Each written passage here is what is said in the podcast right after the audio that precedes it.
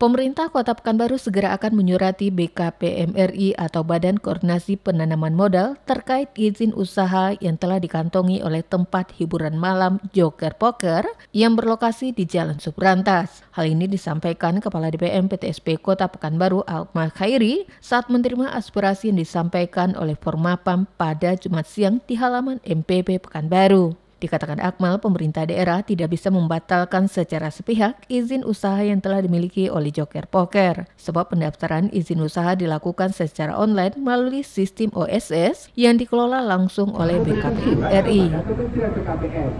Karena yang mengeluarkan mereka, tentu itu yang kita lakukan. Inilah kita harus cepatnya. Jadi kita perlu perlu kita luruskan di sini. Kita tidak boleh begitu.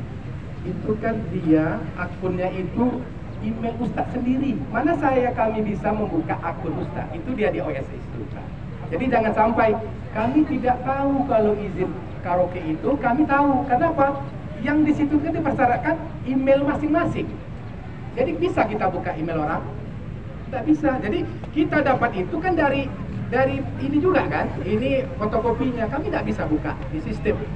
Siapa pun yang membuat izin resiko rendah, kita tidak akan bisa kecuali yang memiliki itu sendiri yang bisa buka. Makanya itu kita perlu luruskan ya.